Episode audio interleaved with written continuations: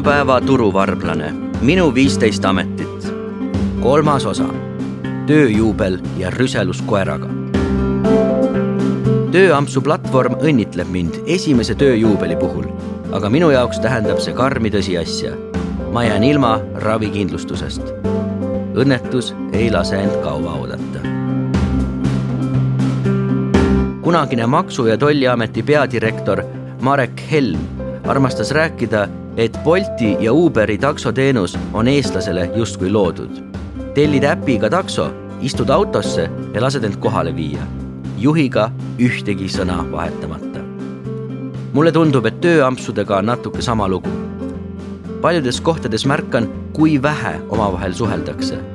ülemus ei räägi ettevõttest ega plaanidest ei näita, kus asub WC või kuhu saab oma asjad panna. Ta ei tutvusta tihtipeale ennastki, rääkimata teistest kolleegidest. annab tööampsajale minimaalse info, mis töö tegemiseks vajalik on. ja siis tööampsaja nohistab terve päeva vaikselt oma töölõiku teha, tundmata ka ise erilist huvi ümbritseva vastu. see ei tähenda, et keegi oleks kellegi peale pahane, see lihtsalt on nii. mingis mõttes on see ka arusaadav milleks investeerida inimesse, kes homseks on läinud. Ka minu teise tööampsu nädala teisipäeva hommik algab nii.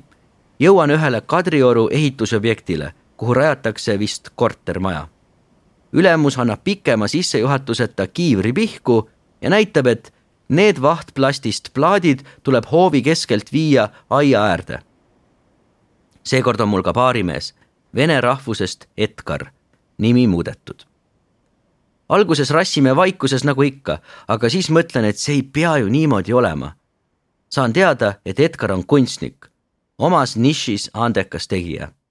ta teeb tööampse selleks, et maksta kiireid arveid. see on praegu parim viis, kuidas teha tööd ilma üheksast viieni lepinguta, ilma rutiinita, mis tapab, ütleb Edgar esimese tööampsu tegi ta kahe tuhande seitsmeteistkümnendal aastal. Selle aja jooksul olevat platvormid märgatavalt arenenud. tööampse on juurde tulnud ja valik on mitmekesisem. vahepeal läks mul platvorm üldse meelest, aga sel aastal, mil tahan teha rohkem vabakutselise kunstniku tööd, olen selle kaudu mõned ampsud teinud. mulle meeldib, et Go Work a Bit maksab palga tavaliselt kahe nädala jooksul välja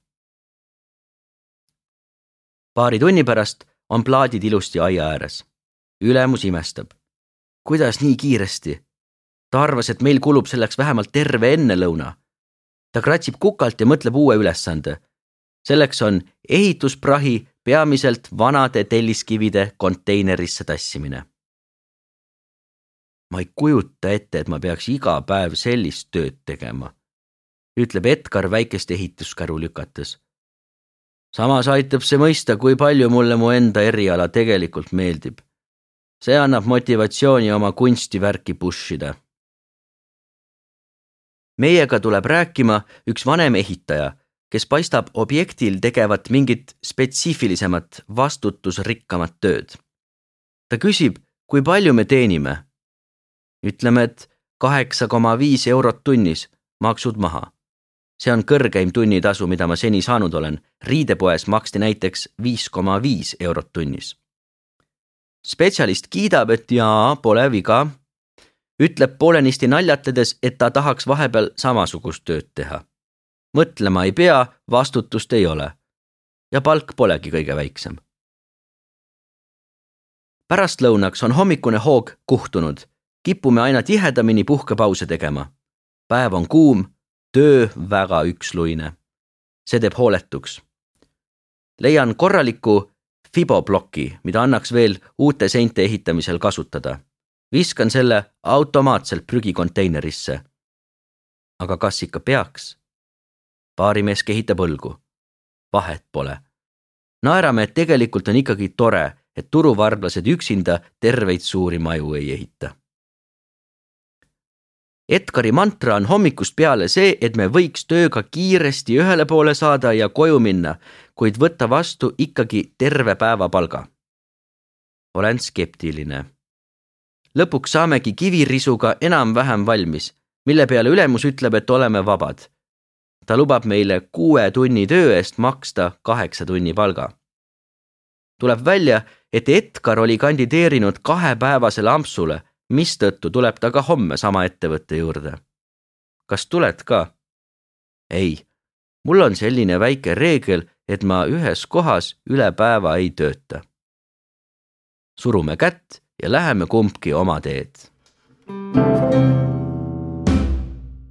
sahmakas õlut krae vahele. vahepeal lähevad mul triimer ja Pocket Pro üldse meelest ära. Õhtul teen Pocket Pro lahti, seal on vaikus. Nad on kodulehe disaininud tellijale, tööotsijal pole seal suurt midagi teha. jääb üle vaid oodata. märkan et mul soovitatakse oma profiili ja oskusi sotsiaalmeedias jagada. nii võin ma potentsiaalsetele klientidele silma jääda. mõtlen, et milleks mul siis üldse Pocket Prod vaja on. Võiksin ju niisamagi oma Facebooki seinal küsida, kas keegi vajab ärikonsultatsiooni, flaierite jagamist või grillimisteenust. Dreameris on valik endiselt ahtake. saadaval on viis-kuus tööotsa, millest enamikus otsitakse pikemaajalist abilist. kandideerin järgmiseks nädalaks Pegasusse nõudepesijaks. Erinevalt GoWorkabitist, mis käsib muudkui motivatsioonikirju treida, piisab Dreameris lihtsalt ühest klikist. mugav, võib-olla isegi liiga. tundub, et minu kandidatuur läheb natuke nagu muti mulla auku. ma ei pea pingutama. kui tööst ilma jään, ei saa ma end isegi süüdistada, et äkki kirjutasin viletsa motivatsioonikirja. järgnevate nädalate jooksul käin veel paaris kesklinna restoranis abikokaks. Ühes laulis kokk nii valjusti, et see kostis ilmselt ka lauas istuvate klientide kõrvu. see on mu tingimus tööle tulekuks, ma tahan kõvasti laulda. satun ka Saku Coopi, kus olen seekord sooja leti teenindaja ja pakin inimestele kanakintse kaasa. seal ilmub keset päeva minu juurde vilka olemisega mees ja küsib, kas ma tahaksin tulla laupäeval ühele Sakus toimuvale üritusele turvameheks, kaheksa eurot tunnis kätte. Vau, mõtlen, tööamps tööampsu sees. tänan pakkumise eest, aga kahjuks on mul laupäeval üks teine üritus ees vestlust kuuleb aga üks noor naiskolleeg, kes kohendab lettidel präänikuid. ta võtabki vedu ja kirjutab mehe telefoninumbri käe peale üles. Varsti astub mulle ligi kaubapaigutaja, ukrainlane, kes ütleb, et talle on nüüd selgeks saanud, keda ma meenutan. ta näitab telefonist Ukraina endise peaministri Arseni Jatsenjuki pilti. tema kannab ülikonda ja lipsu minul on seljas rasvaplekkidega koopisärk, aga olevat sarnane. vahetuse lõpus tabab mind heldimushoog. kolleeg, kellega kaheksa tundi koos leti taga olime, peab töötama veel viis-kuus tundi. kuidagi närb on niimoodi poole pealt lahkuda, jätta inimene üksinda rabama. ja ta teeb seda homme ja ülehomme ja järgminegi nädal paneb kanakintsud ahju, segab kartulisalatit, samal ajal kui mina tilberdan oma tööampsudega jumal teab kus. see on selline magus valus nukrus, mis on segatud austuse ja tänulikkusega.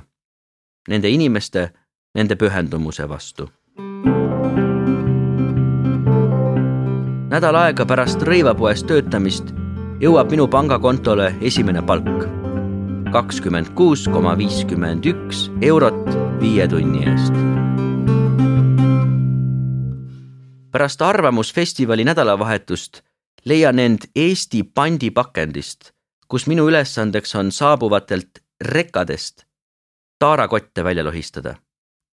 plast ühte hunnikusse, metall teise, klaaskonteinerid kolmandasse kohta, nii kaksteist tundi järjest ühe auto kottide peal on kirjas, et pudelid ja purgid tulevad Paide Konsumist. kas see on sama taara, mis ma nädalavahetusel tühjaks jõin? Mind ümbritsevad terved mäed kokku pressitud pudeleid ja purke, mis oleks nagu võileiva grilli vahelt tulnud.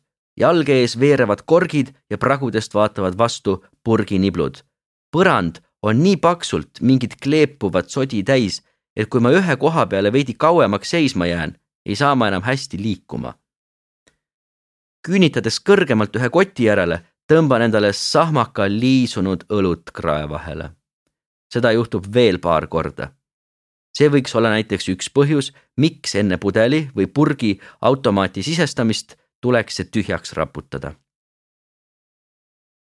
kolleegid on tülpinud nägudega, aeg-ajalt keegi vihastab. üks meesterahvas, ilmselt pikaaegne töötaja, tundub kollanokkadest tööampsajate peale iseäranis raemunud. kühmu tõmbunud seljaga lükkab ta klaastaaraga konteinereid, turtsub ja raputab pead, kui keegi talle ette jääb või midagi valesti teeb. Ühel hetkel, kui ta leiab, et olen kastitäie klaastaarat valesse kohta parkinud, mida ma ilmselt ka tegin põrutab ta oma konteineriga vastu minu oma ja karjub. ma ei kuule, mida, sest peame müra summutamiseks kandma suuri kõrvaklappe. siis kaob ta vihast podisedes nurga taha.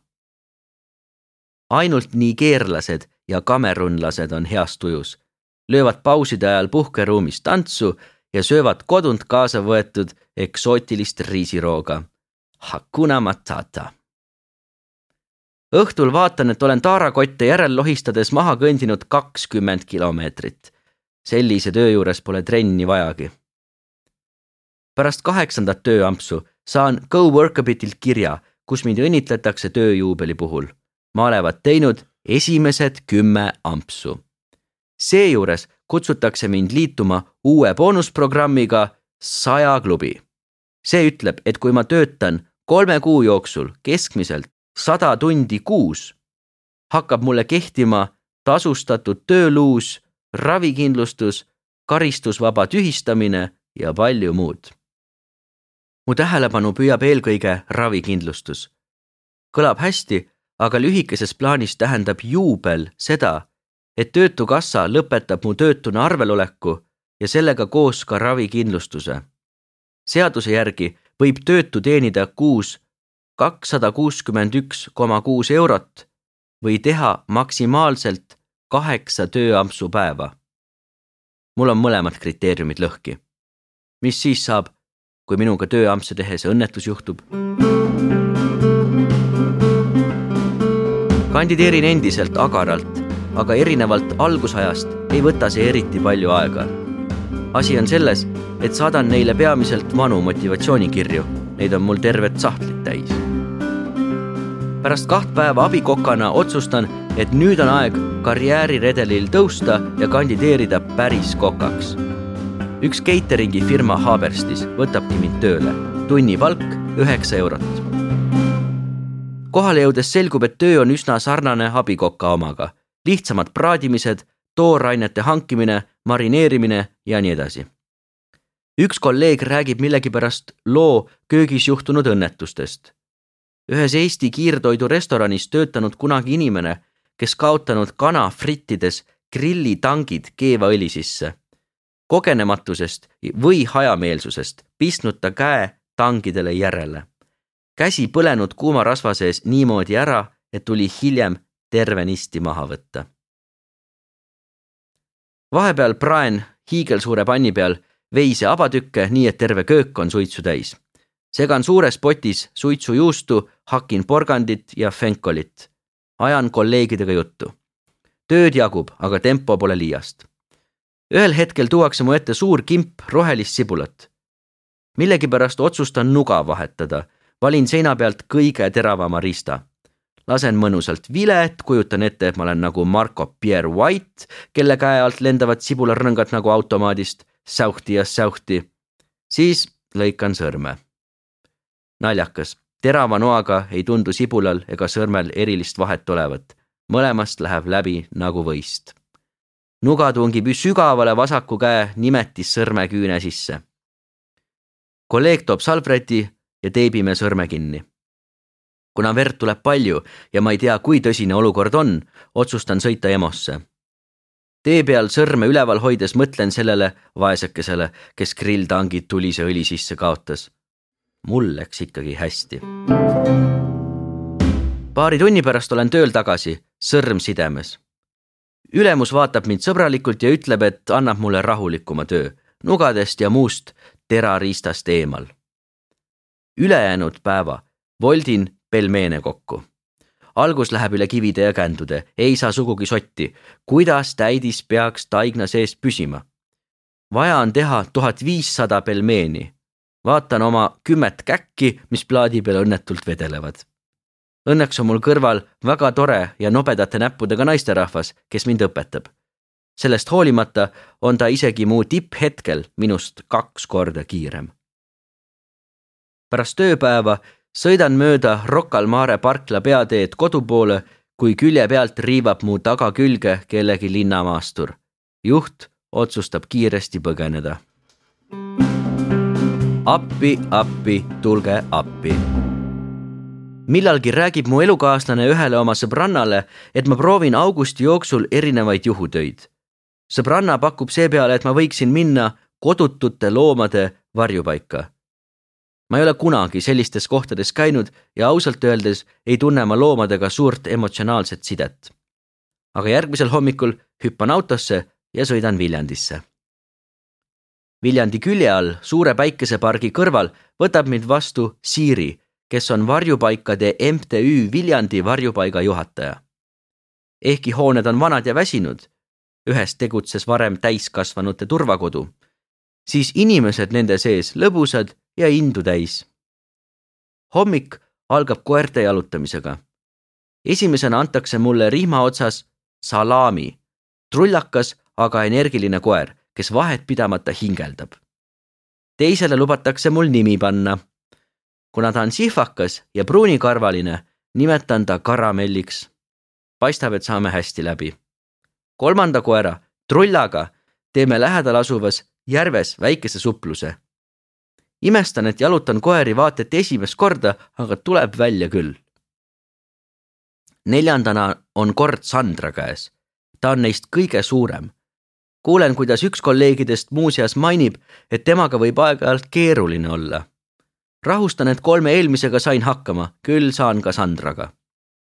jalutame rahulikult mööda teed. ta käib ja nuusutab puid ja rohututte nagu koerad ikka kuid järve äärde jõudes hakkab ta mulle külge hüppama. lükkan külje ja küünarnuki ette, nagu kolleegid õpetasid ja üritan teda resoluutselt keelata. Sandra ei tee väljagi. hirm on naha vahel ja suur koer saab sellest suurepäraselt aru. kõlan teda keelates ja käskides endalegi naeruväärselt. üha tihedamini laseb Sandra küüned käiku ja kompab mind lõugadega. see pole veel hammustus, kuid ma tunnen, üha selgemini ta hambaid. viimati tahab mind veel niigi haigest sõrmest naksata.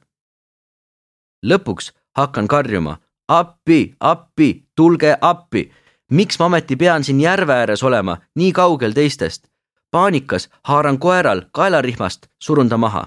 Sandra lõriseb, ta võimas lõuapära koos tugevate tervete hammastega on täielikult paljastunud jõuan mõelda, et isegi kui ta enne tahtis mängida, siis nüüd ta vaevalt enam halastab. vajutan veelgi tugevamini koera kõrri peale, samal ajal appi karjudes. niutsudes vingerdab Sandra end mu haardest välja. nüüd pole muud kui jooksu. lidun mööda jalgteed nii kuis jaksan, vaatan üle õla, Sandra ei jää minust sugugi maha. umbes saja meetri pärast tunnen end nii tohutult väsinuna, mispeale teen haagi tee kõrval olevale heinamaale, kuid komistan kohe roopasse ja kukun maha. nüüd on kõik. vihane koer hüppab mulle peale ja sööb mu ära. kuid siis ilmub nähtavale päästja. mis teil siin ometi toimub? küsib kolleeg ja võtab Sandra rihmapidi enda kätte. kui kolleegid minu rüselusest koeraga kuulevad, on nad natuke hämmingus, natuke muigel. samas nad möönavad, et Sandra võib olla ettearvamatu tõtt-öelda on sama lugu ka paljude teiste varjupaika toodud koertega. töötajad, kes nendega igapäevaselt tegelevad, ei pruugi lõpuni teada, kust ta tuleb ja mida ta on läbi elanud. ja kui panna minusugune algaja neid kantseldama, ongi tulemus käes. ülejäänud päeva tegeled siis kiisudega, ütleb üks kolleeg. sobib, vastan endiselt hingeldades Viljandi varjupaigas on sel hetkel üle kahesaja kassi. hakkame ühe kolleegiga nende puure puhastama. paneme kassidele vett ja süüa, vahetame graanuleid ja korrastame nende aset. tunnen, kuidas vanades ruumides õhk ei liigu, kasside väljaheidete hais matab hinge. unustan kogemata graanuleid vahetades ühe puuri ukse lahti. kassipoeg tuiskab sealt välja nagu keravälk. ajame teda järgmised kümme minutit mööda tuba taga. Nüüd näed, et meie töö pole vaid kiisude paitamine, ütleb kolleeg sellest hoolimata sõidab ta iga päev ligi sada kilomeetrit autoga, et hüljatud loomi aidata. keset puuride puhastamist ütleb Siiri, et ma tuleks temaga kaasa. teisel pool Viljandit põles inimene majja sisse, kuid temast jäi järele kass. sellistel puhkudel kutsutakse Siiri, et ta kassi kinni püüaks. Tee peal räägib ta mulle lugusid, mis avavad minu jaoks täiesti uue perspektiivi kui kuskil juhtub õnnetus, mõtleme tavaliselt inimestele või tehnikale. aga tihtipeale on mängus ka loomad.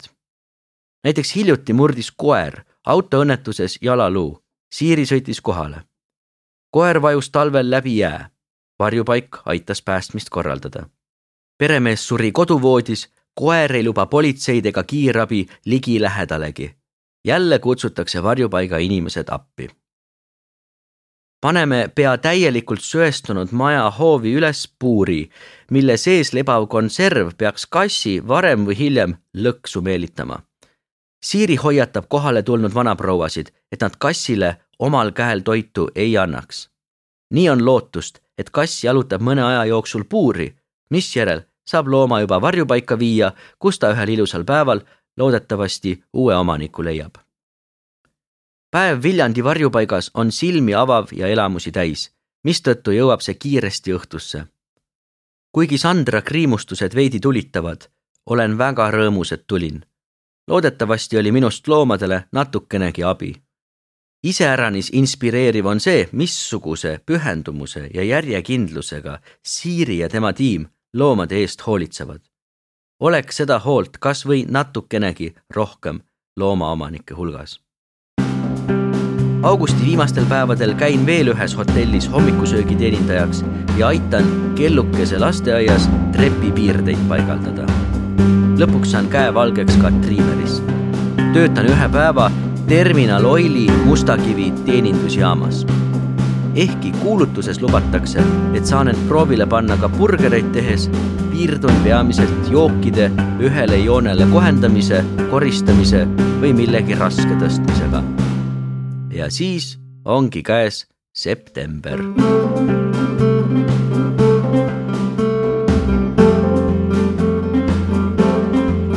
autor Lennart Ruuda, audiolugu luges Christopher Rajaveer, salvestus, helikujundus ja originaalmuusika Janek Murd